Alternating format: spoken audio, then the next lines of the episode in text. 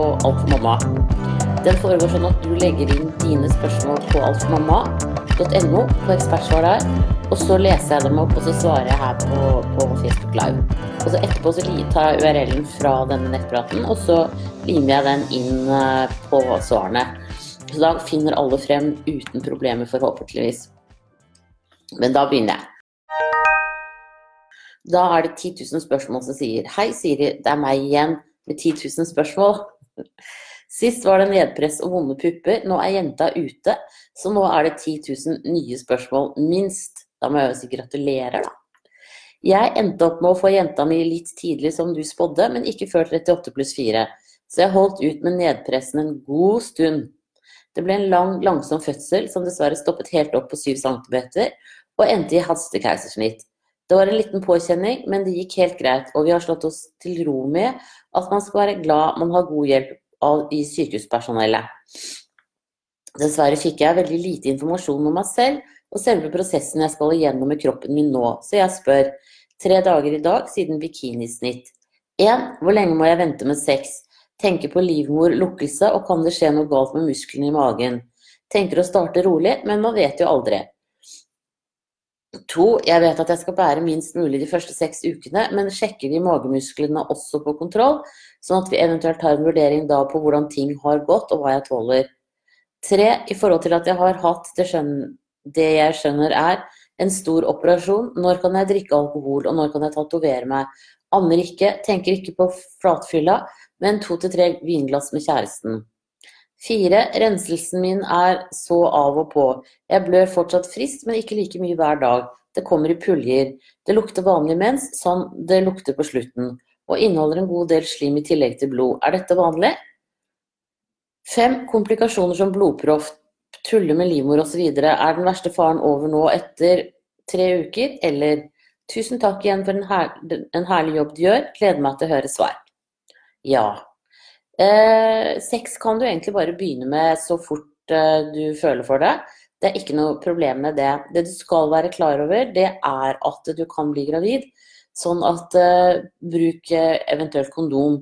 Det beskytter også for oppadstigende infeksjoner, sånn at det, det, er en god investering det nå frem til du skal på den seksukerskontrollen din med jordmor eller lege. Det som kan være når du skal ha sex, da, det er at du, du er jo mye ømmere på maven. Eh, sånn at eventuelt ha en tynn pute over maven hvis dere skal ha misjonærstilling. Eller så kan det nok hende at eh, det er andre stillinger som er bedre, rett og slett. Eh, så prøv dere litt frem sånn forsiktig, og så se hva som er ålreit. Og så vil du også en stund til ha veldig tørre slimhinner. Pga. også renselse, men også litt sånn hormoner i kroppen. Så det kan hende at et, et godt glidemiddel også er en bra ting å ha. Um, men sånn som du sier, tenker å starte rolig, så gjør definitivt det å bruke god tid. Uh, aldri galt, noe galt i det. Uh, og så er det nummer to jeg, det med å bære. Uh, de pleier ikke å sjekke magemusklene på kontroll.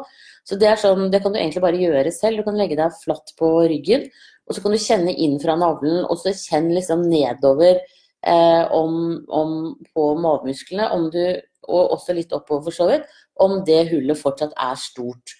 Um, da er det liksom alternative maveøvelser man kan gjøre, hvis du tenker det. Uh, blant annet å stå på alle fire og trekke maven opp, i stedet for at du bruker kroppen som vekt på når du gjør situps. Men det også tar bare litt tid, altså. Men det er ikke noe, det er ikke noe å være noe veldig bekymra for. Um, men ta det som det kommer. Uh, og det er vel først etter sånn tolv uker at uh, magemusklene tåler fullt trøkk, tror jeg. Um, det, det, som er, er at de, sant, de snitter inn bikinisnitt, og så drar de magemusklene fra hverandre. Det høres jo veldig sånn brutalt ut, men det er fordi at når du snitter magemusklene, så blir sårflatene De gror ikke så lett sammen. Mens når du drar fibrene fra hverandre, så finner de også lettere tilbake. Um, og det er viktig at de da får ordentlig liksom bundet seg og, og, og blitt sterkere uh, før du da begynner å trene ordentlig. Men det å bære på datteren din og, og sånne ting, det er helt innafor. Det skal være greit, altså. Så en del, det tåler man jo. Og så er det spørsmål nummer tre i forhold til at jeg har hatt en stor operasjon. Eh, når kan du drikke alkohol, og når kan du tatovere deg? Jo, eh, nå, med begge deler. Eh, og særlig hvis du ikke du ammer, så har du ingenting å si. Da er det jo ikke noe farlig for babyen. Nå har det vel kommet frem til at det ikke er farlig for babyen uansett, men med litt alkohol, da.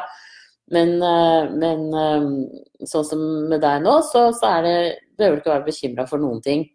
Eh, og tatoveringer, det er jo også sånn grunn til at man skal ligge unna det i graviditeten. Det er jo i tilfelle du skulle få en allergisk reaksjon. Det skjer veldig sjelden, men når det først skjer, så kan det være ganske heftig. Men, men eh, så, så tatovering, det kan du gjøre nå. Det som kanskje er noe å tenke på, det er liksom hvor du skal ha den, og at eh, Jeg tipper at maven din er jo ikke sammentrukket ordentlig ennå, og huden har liksom ikke henta seg inn. Sånn at hvis du får en tatovering på ja, si maverygg, da, så, så, kan det hende at den liksom trekker seg sammen. Eh, så, så, det kan du egentlig høre med der hvor du har tenkt å tatovere deg, hva de eh, pleier å si om det. For de burde jo være ganske gode på hud, de også. Eh, også når det gjelder renselsen, da, så er det også normalt, det, det, du beskriver her. At den er litt av og på og sånn, det, det, er også helt eh, sånn som det pleier å være. Og det er sånn som du sier, så lenge den lukter sånn litt gammelmens, ikke noe problem. Men det er sånn, hvis den skulle begynne å lukte råttent eller fiskeaktig sånne ting, det er da man skal begynne å tenke en inf mulig infeksjon. Uh, og så vil du antageligvis oppleve at du etter å ha hatt sex uh, har litt ekstra med renselse. Men det er fordi at da trekker livmoren seg sammen når du får orgasme. Og da støter den liksom mer ut. Så, men det er ikke farlig. Ikke noe å være noe bekymra for. Jeg bare kom på det akkurat nå, sånn at jeg trykker på kula når du, skal, når du, har hatt sex, da. Uh, så renselsen din høres helt normal ut. Uh, også når det gjelder komplikasjoner som blodpropp og sånn, så er det Nå er du i full vigør. Du beveger deg masse hver dag og sånn, og da er den blodproppfaren veldig liten. Eh, det er mer det der man blir liggende pal etter et keisersnitt, um, som, som, på en måte er en litt inn større fare, da. Så jeg tenker at uh, dette her høres helt normalt ut med deg, uh, og veldig hyggelig at du at det har gått bra med deg. Og tusen takk for at du følger meg her, og så bare kom tilbake hvis det er mer jeg lurer på. Ha en strålende dag videre. Ha det bra. Og så er det Anonym som sier hei. Jeg sendte spørsmål forrige nettprat angående dette med tegn før fødsel, om diaré og murringer. Jeg er 41 uker på lørdag, og det har ikke skjedd noe. Var hos jordmor på tirsdag, og hun sjekket angående åpning, men var ikke noe modent. Men hodet lå da ned i bekkenet. Jeg merket hun måtte kjenne ganske langt inn for å kjenne hodet. Men hvor lang tid foregår en modning? Kan fødselen bare starte uten du merker noe spesielt? Jeg er fremdeles laus i magen, og visse dager kjenner jeg litt nedpress i magen og murringer, mens andre ganger kjenner jeg ikke noe som helst. Jeg syns det var ganske ubehagelig da jeg gikk ned til kontrollen til jordmor. Jeg kjente akkurat noe som trykket meg ned i magen da jeg gikk og var ubehagelig. Men da ble jeg spent om det kanskje modnes. Men som sagt, ja, sa jordmor at det var umodent. Tusen takk for svar. Jo, du kan gå fra 0 til 100 når det gjelder fødsel. Plutselig så starter det bare. Eh, og selv om du syns ikke du har så mye tegn, liksom, så har du jo litt murringer og sånn. Eh, sånn at jeg tenker at det, dette her høres bra ut. Eh, du er litt i emning, men det er klart at Enda tidlig, det, det, kan vi vel trygt si. Um, og når det gjelder det å gå og være litt i bevegelse, så er det veldig bra, fordi at da lirker du på en måte babyens hode ned i, i bekkenet enda litt mer. Det er små marginer det er snakk om, og det er millimeter for millimeter. Så, så, det er supert å være i bevegelse, at man ikke bare sitter helt pal. Det bør ikke være noen lange turer eller noen ting sånn, og det kan godt være at du bare eh, går litt uh, ut rundt omkring i huset også. Men, men, det å være i bevegelse, det er superbra. Og har du lyst til å, å sette på litt høy musikk og danse f.eks., så er det også veldig bra Eh, da får du litt fart i systemet og, og sånn. Eh, som, jeg vil ikke påstå at det kan være med på å starte noe fødsel på noe vis, men det, men det liksom det med å være i bevegelse sånn, er superbra for bekkenet og for babyens hode ned, på vei ned i bekkenet.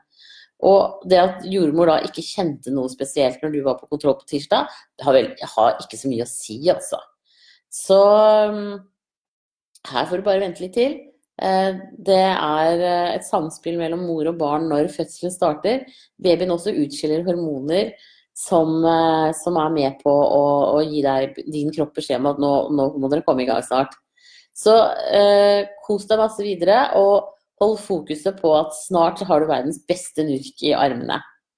Da ønsker jeg deg riktig, riktig lykke til videre, og tusen takk for at du følger med her. Ha det bra! Og så er det gravid og redd som sier Hei, Siri, og takk for denne siden. Jeg er gravid for andre gang, uke 11 pluss 4. Basert 30 år og har nå blødd tre ganger. En gang i uke 9, 10 og nå i uke 11. Det er små blødninger som stopper med en gang, men jeg er fryktelig redd for å miste. Har hørt hjertelyd 10 pluss 6, 11 pluss 2, så vet jeg at baby lever. Hvor ofte mister man så sent som i uke 11 til 12? Har et barn fra før, aldri mistet før heller.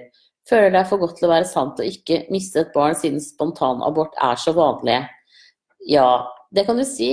Eh, at alle opplever som oftest en spontanabort, men som oftest er den tidligere graviditeten enn ditt hvor du har kommet nå. Og det med blødninger, det vet man ikke alltid helt hva er. Men når man er gravid, så er slimhinnene skjørere, sånn at det lettere oppstår rifter og, og sånt. Og derfor så Det kan komme bare helt av seg selv. Eller det kan komme hvis du har vært i veldig bevegelse eller har hatt samleie. Eh, men uansett så er det normalt, på en måte, selv om det er, måte, det er jo skummelt. Og det er helt riktig sånn som du gjør, at du går og får en ultralyd når du har blødd. Eh, det skal det offentlig stille opp med. Så, så, jeg tenker at her er det bare å, å, krysse fingrene videre. Antageligvis så vil du blø litt gjennom hele graviditeten. Eh, sånn er det noen ganger. Eh, og så bør du få sjekka jernlagrene dine, for det har med koagulasjonsfaktoren i blodet å gjøre også. Og at man kan være litt mer lettblødd hvis man er lav på jern. Så hvis ikke fastlegen eller jordmora de har sjekket eh, koagulasjons... Eh, eller sjekket jernnivåene dine, mener jeg, og jern og vitaminer generelt, så, så få gjort det nå. Eh, for det, kan, det, er en av de tingene som kan styrke deg, kan du si, da, hvis, du, hvis du er lav på jern og da tar tilskudd. Så jeg tenker at du, eh, jeg skjønner at du er bekymra, det er alltid skummelt å blø, men, men eh, prøv også å legge det fra deg. og um, så heller uh, krysse fingrene for at det ikke skjer igjen. Men det ligger antageligvis innafor normalen for deg i denne graviditeten. Og det er sånn som ikke behøver å gjenta seg hvis du blir gravid igjen. Det kan liksom vare i en graviditet, og så går det over. Um, ja, så vi er litt rare sånn. Men noen ganger så er det bare sånn. Da ønsker jeg deg riktig, riktig lykke til videre, og tusen takk for at du følger meg her. Og så må dere huske å følge meg på YouTuben Alt for mamma og podkast Jordmor Siri også. Da er det neste spørsmål. Uke 33. Hei! Er i uke 33 pluss 2 i dag, og i dag har jeg vondt, altså vondt i korsryggen. Det fikk jeg nå i kveldingen, vondt i høyre side nederst i magen. Aner ikke om det er konstant eller kommer og går. Stikker veldig nedentil når han rører på hodet. I tillegg ble han utrolig, utrolig mye mer aktiv nå i kveld, og da jeg fikk, da jeg fikk vondtene mine, ha-ha. Kjennes på en måte ut som luftsmerter. Er dette normalt nå? Hva er det, luft eller kynnere? er tredjegangs om det har noen betydning. Selv om jeg er tredjegangs, er jeg ikke god til å kjenne kynnere. Føler ikke jeg merker det noe særlig. Takk for svar. Ja øh, Vanskelig å si. Det kan godt være luft. Eh, fordi at tarmene dine går jo treigere nå når du er gravid. Eh, og da, kommer, da, blir luften liggende mer i tarmene og skaper kolikk. Men jeg tenker at hvis det ikke har gitt seg i dag i det hele tatt, og det er like vondt, så syns jeg du skal ringe til jordmor eller fastlege og så få en sjekk i dag, rett og slett. Ja. Um, særlig siden uh, det er en såpass stor endring i aktiviteten til babyen. Uh, så, så, det syns jeg faktisk at du skal gjøre. Ta oss og Ring nå når du um, hører svaret mitt. Jeg kan egentlig skrive det inn også, det er ikke så ofte jeg gjør det underveis. Men akkurat nå så tenker jeg at det kan være greit. Så jeg bare skriver det, så får du et mer utfyllende svar etterpå. Men jeg skulle 'ring lege eller jordmor og få en sjekk i dag'. Så gjør jeg det litt sånn mer ordentlig. Men det, jeg gjør det nå fordi at jeg skrev det inn nå fordi at um, det er så, såpass tidlig på dagen at hvis du skal ha nubbsjanse på å få time, så, så, gjelder det nå. Uh, men, men antageligvis ligger dette her helt innafor normalen. Men jeg tenker at sånn, litt sånn vedvarende smerter, og når det da er kombinert med en økt aktivitet hos barnet, så er det greit å få det sjekka, altså. Uh, høyst sannsynlig helt normalt, men få en sjekk. Da ønsker jeg deg riktig, riktig lykke til videre, og tusen takk for at du følger med her. Hvis du ikke får time hos lege eller jordmor i dag, så kan du jo ta en tur til legevakta eller ringe rett på føden og snakke med dem. Um, det kan du se på Du er liksom akkurat i den der bykkesonen der, men uh, og så kommer det selvfølgelig også an på hvor du, hvor du, bor i landet. Bor du langt utenfor allfarvei, uh, så ringer du bare rett til føden og snakker med dem hvis du ikke får time hos lege eller jordmor. Da ønsker jeg deg riktig lykke til videre. Høyst sannsynlig helt normalt, men greit å sjekke. Ha det bra! Og så er det Kveldsuro som sier Vår tre uker gamle baby er urolig på kveldene, søker etter pupp nesten konstant, men det virker som om hun spiser seg kvalm, skriker seg helt svett, og ingenting fungerer.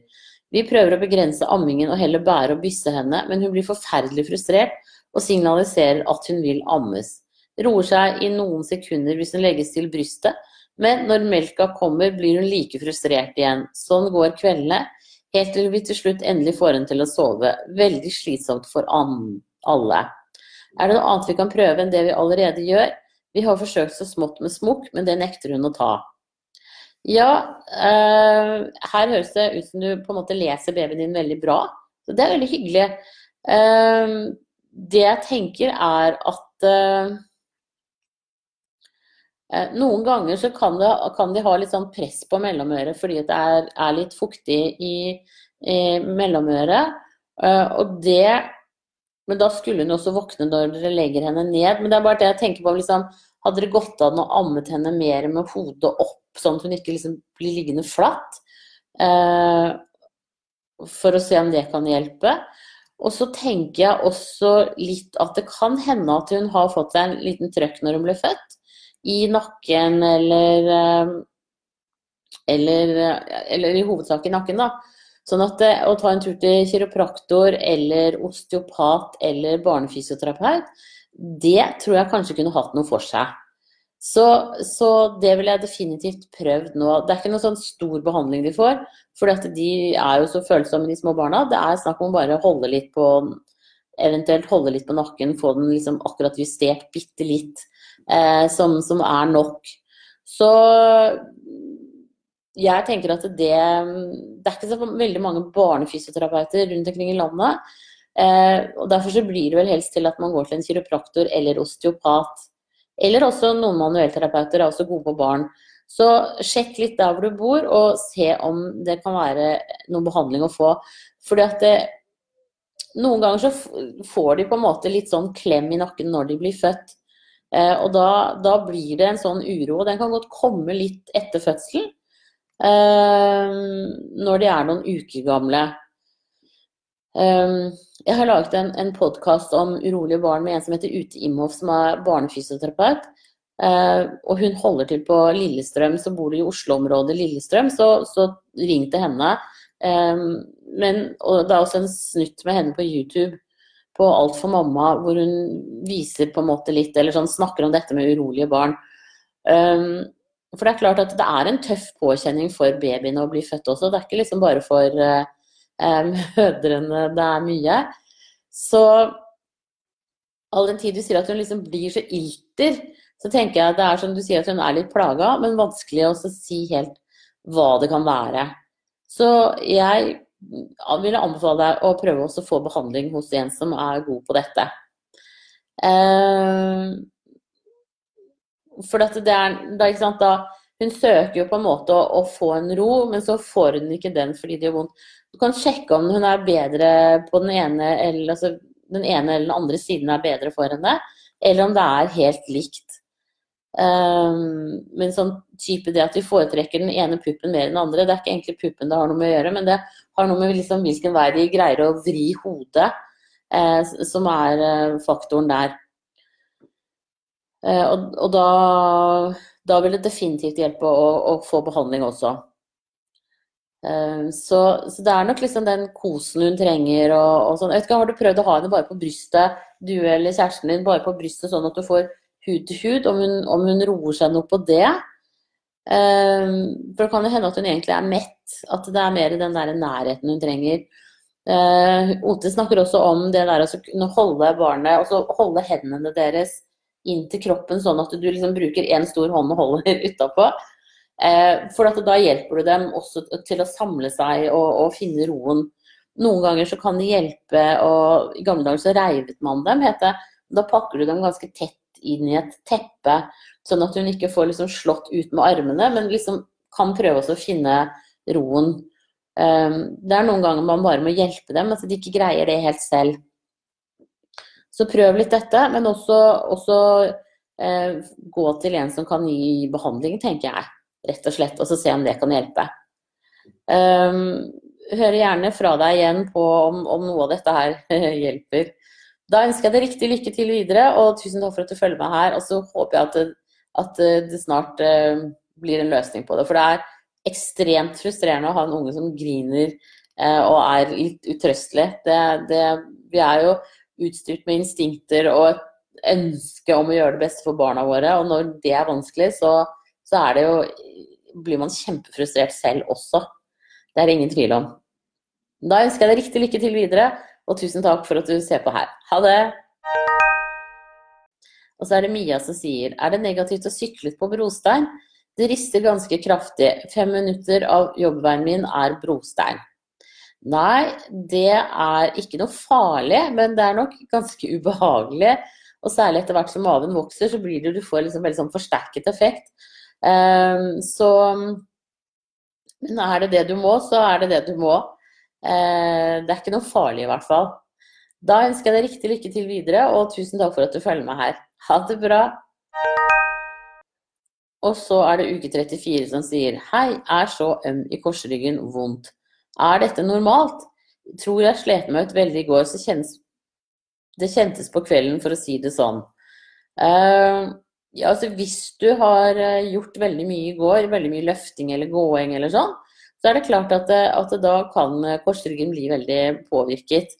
Um, og det som er når du er gravid, det er at du på en måte får kanskje mer vondt i dag og i morgen før det gir seg.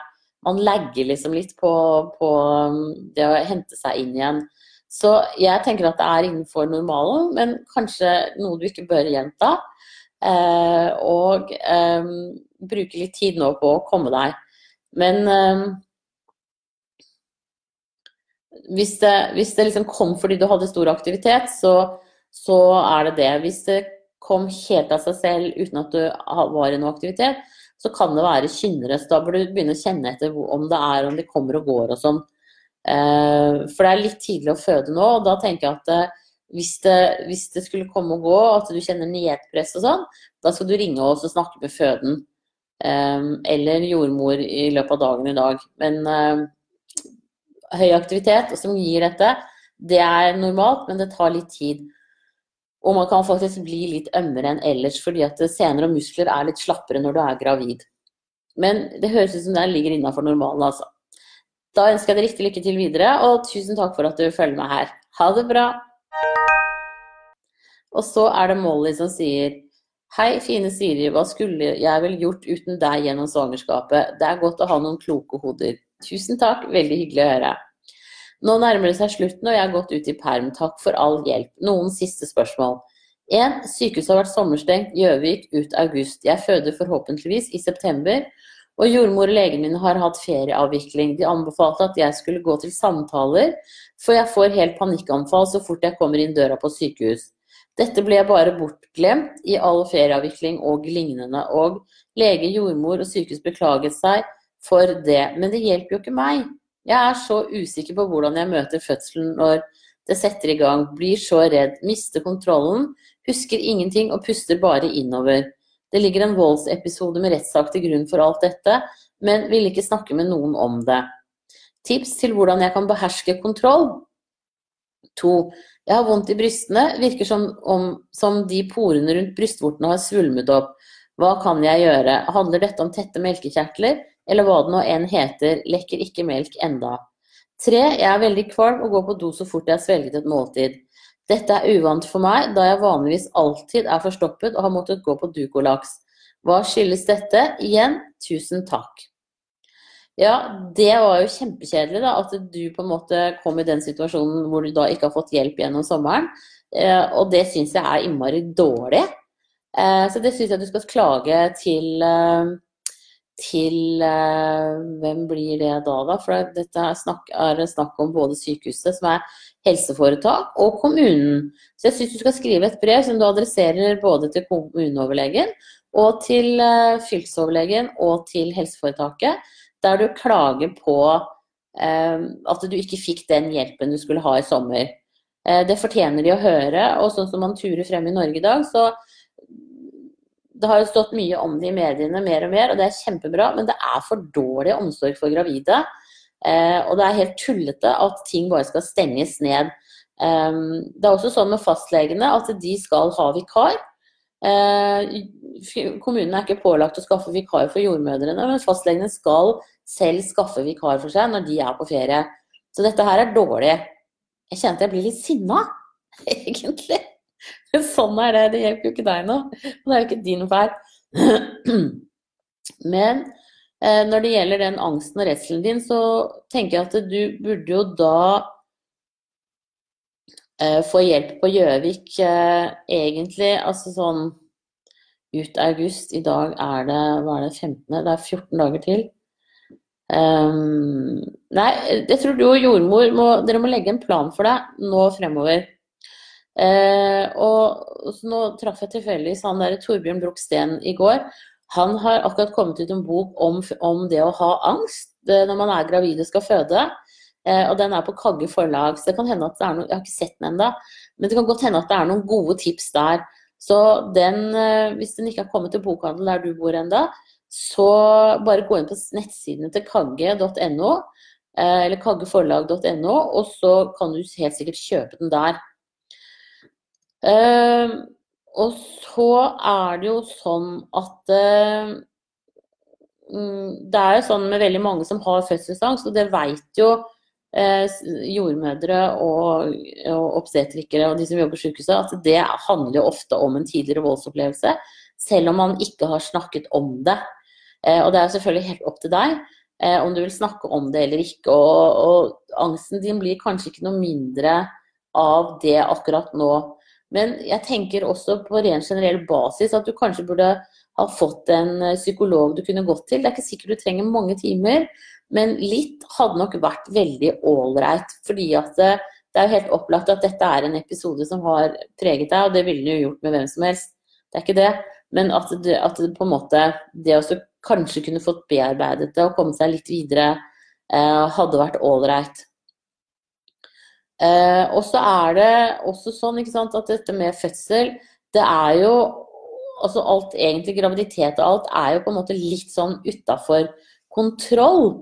Eh, dette er ting du ikke kan greie å ha kontroll på, rett og slett. Og det er jo en, det er på en måte en litt sånn dårlig melding. Samtidig som, som, må, som, jeg tenker du må fokusere på, det er at det er det normale. Eh, dette er helt normalt. Eh, og at du på en måte jevnfører med, med, det som er normalt. Da. At du derfor ikke flipper ut, men tenker at jo, vet du hva, dette her er normalt. Det er den kontrollen du har. Um, jeg vet ikke om jeg greier å forklare meg helt godt, men, men, men um, det, men det, er ikke farlig. Altså, du må fortelle deg selv det igjen og igjen og igjen.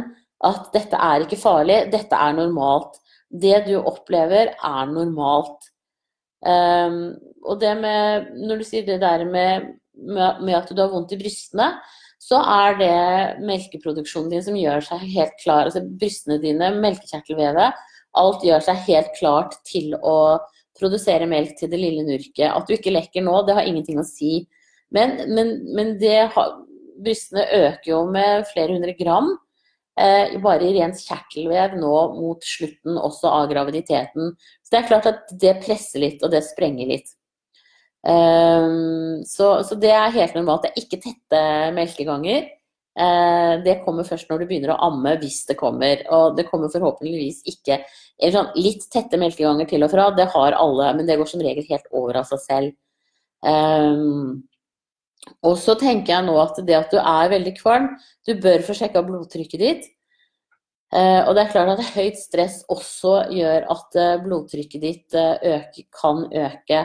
Så det bør du sjekke. Og så tenker jeg også at det har med angsten å gjøre at man blir kvalm av å være liksom på alerten, sånn som du er nå. Um, men definitivt få sjekka det. Um, det at du er Også det at du har fått litt sånn diaré, um, tenker jeg på en måte handler om at du har en veldig sånn fortgang i systemet. Da. Du er ikke treg lenger.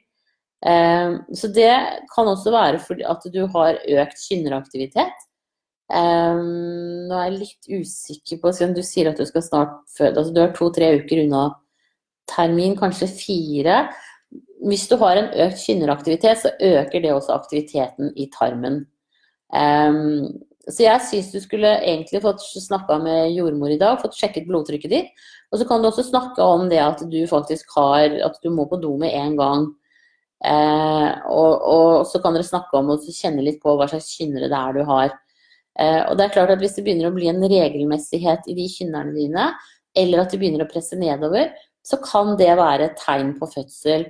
Eh, og da tenker jeg at da, da bør jo det sjekkes. Eh, og da ringer du til er det, Da er det vel kanskje Lillehammer som har ansvaret nå, siden Gjøvik har vært nedlagt i sommer. Men da bare ringer du til dem, altså. De må svare deg. Eh, og de skal jo være ekstra bemannet eh, siden de har eh, fødselsansvaret. Så de skal ha kapasitet til det.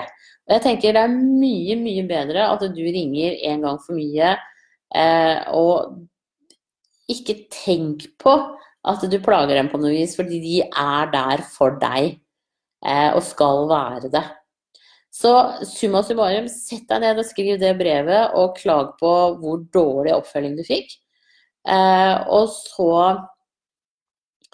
eh, eh, tar du kontakt med egen jordmor eller fastlege når de er tilgjengelige.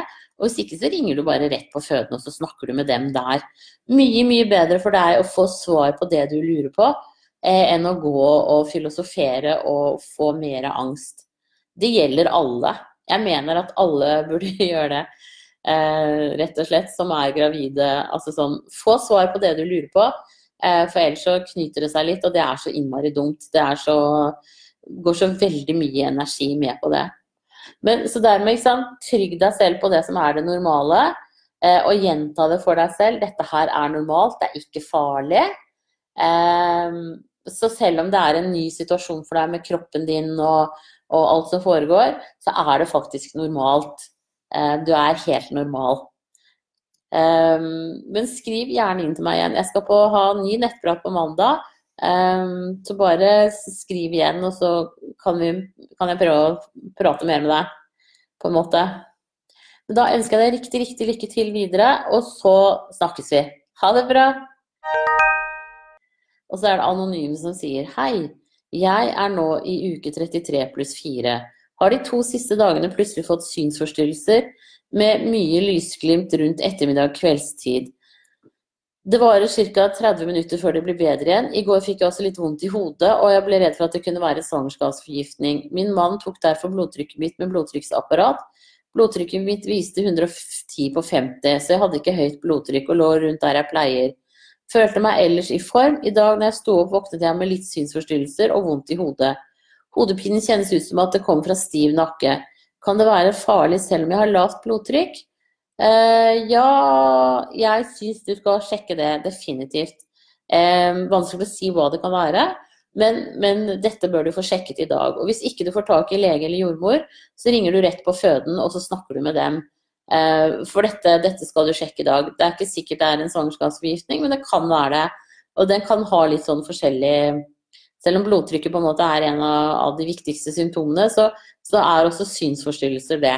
Så det, dette her må du finne ut av i dag. Det syns jeg er viktig. Ja, rett og slett gjør det. Da ønsker jeg deg riktig lykke til videre, og tusen takk for at du følger med her. Ha det bra! Og så er det Hei som sier hei. Mensen kom ca. to måneder etter fødsel. Den varte i tre dager, men nå er forsinket i en uke. Jeg hadde menstruasjonssmerter, men mensen kom ikke. Lurer hvis jeg er gravid.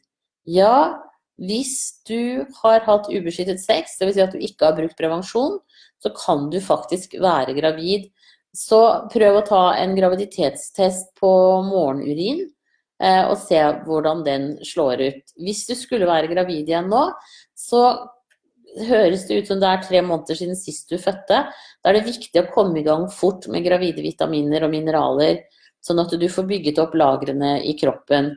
Um, så jeg tenker at uh, altså de, de, den første mensen etter at du har født, kan, de kan godt forskyve seg uh, og, og, og, være litt sånn rare. Uh, men hvis du tror du kan være gravid, så må du i hvert fall sjekke det. Da ønsker jeg deg riktig lykke til videre, og tusen takk for at du følger meg her. Ha det bra! Og så er det frøken Nervøs. Hei, jeg er bekymret person av meg, og planen var at jeg ville unngå å reise utenlands mens jeg er gravid, fordi jeg er nok overnervøs og klar over det selv. Det er så slitsomt å bli så bekymret. Saken er at jeg må på et tredagerskurs, blir fire netter for jobben. Jeg skal til Danmark. Jeg veit retningslinjene med at jeg skal spise gjennomstekt kjøtt, spise ost med pasteurisert melk, Harde oster som Norvegia Jarlsberg anses som trygge. Hvis jeg har spist kokt hamburgerrygg pålegg, så må det være godt innenfor holdbarhetstiden. Holde meg unna spekemat og salami. 1. Vi skal spise frokost på hotellet og lunsj på arbeidsstedet vi skal være.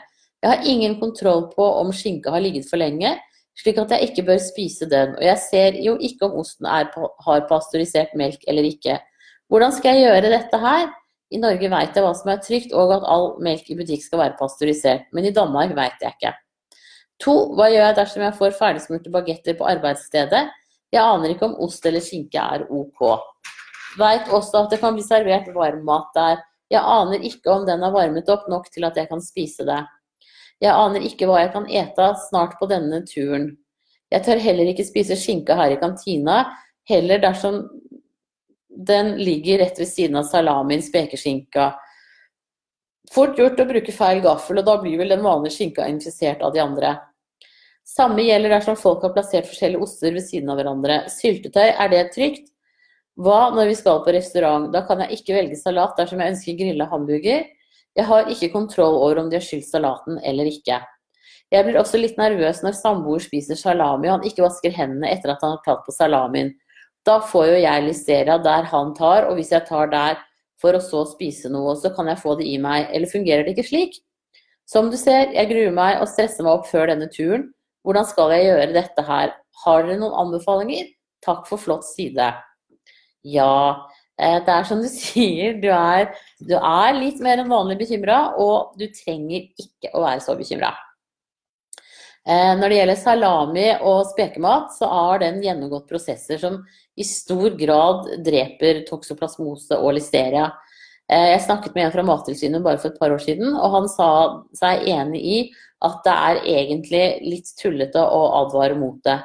Men grunnen til at helsemyndighetene i Norge advarer mot det, det er at du eh, hvis det kommer fra småprodusenter, så kan man liksom ikke være like sikker. Men ja, så jeg tenker salami og, og, og røkt skinke. Du trenger ikke å være redd eller sånn spekkskinke, du trenger ikke å være redd for at det skal være så mye bakterier i de. Og når du er på restauranter og steder hvor på en måte de tilbereder maten, sånn som kantina og sånn, så har de veldig strenge retningslinjer. Så jeg tenker at du behøver ikke å bekymre deg for det. Eh, og du ser jo på ostene om de er harde eller ikke. Eh, sånn at jeg tenker at det, det Spis de ostene som ser harde ut, som du på en måte fortrinnsvis eh, bør bruke ostehøvel på. Eller sånn, altså I Danmark bruker de ikke så mye ostehøvel, men altså de som ser ut som Norvegia og Jarlsberg og sånn, de er trygge å spise. Eh, det er mer muggoster som på en måte er ikke så bra. Sånn at det går helt fint. Og gjennomstekt kjøtt går helt fint. Eh, kokt eh, skinke går også helt fint. Så om du får en bagett med kokt skinke og ost, så kan du trygt spise den. Eh, det skal ikke være noe problem, altså. Eh, så jeg tenker at det som du får, eh, får servert på, på, denne turen, eh, det kan du trygt spise. Til frokost kan du også spise kokt egg.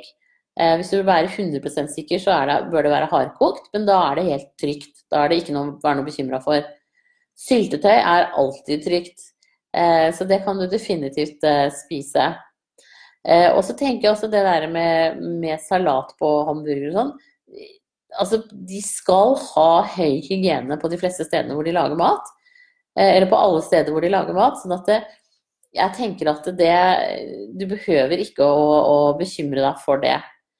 Eh, vanlig håndhygiene, vask hendene før du skal spise. Eh, så kommer du veldig langt. Eh, og så tenker jeg på en måte altså ta det som en litt sånn derre trening på å At dette her kommer til å gå bra. På å utsette deg litt for hva skal jeg si, litt sånn fare. Um, og hvis det låser seg helt, så si at du er gravid og ikke kan være med på turen. Eh, det er ikke noe verre enn det. Det er også en mulighet, altså. Eh, og da kan du få svangerskapspenger eventuelt for den turen. Da får arbeidsgiver igjen penger for deg fra, fra dag én. Eh, så det kan du også gjøre. Men ellers så tenker jeg liksom at fokuser på liksom det du skal lære, at det er artig. Sånne ting som det. Og så skal innmari mye til at du blir dårlig. Og Danmark har et like høyt nivå på hygiene som det det er her i Norge. Så det burde gå helt fint. Um, jeg bare skummer gjennom. Uh, og varmmat har jo vært gjennomkokt uh, før den blir eventuelt varmet opp. Det er mer sånn derre hvis det er sånn buffé som står i timevis. Men det er det jo veldig sjeldent lenger. For uh, nå fyller man jo heller på underveis. I hvert fall når jeg har vært på hotell og sånn de siste årene, så er det ikke sånn at liksom ting står og putrer eh, i evigheter, men de kommer med nye porsjoner. Eh, og det senker jo faren for eh, at det skal oppstå infeksjoner i maten. Eller heter det bakterier i maten, ikke infeksjoner. Beklager. Så jeg tenker at dette her går helt fint, jeg. Eh, og så ta det som en litt sånn treningsøkt på at du bekymrer deg litt mindre eh, videre i forhold til dette med graviditet og mat. Da ønsker jeg deg riktig, riktig lykke til videre, og tusen takk for at du følger med her. Nå var det dagens siste spørsmål, sånn at eh, hvis det kommer inn flere spørsmål det siste kvarteret, så svarer jeg på de eh, skriftlig, rett og slett. Da ønsker jeg dere alle en strålende dag, og husk å følge meg på YouTube, Kall mamma, på SoundCloud, Jordmors podkast, den er på iTunes også. Eh, og så selvfølgelig ta en titt innom nettsidene. Det er alltid veldig hyggelig. Ha det riktig bra!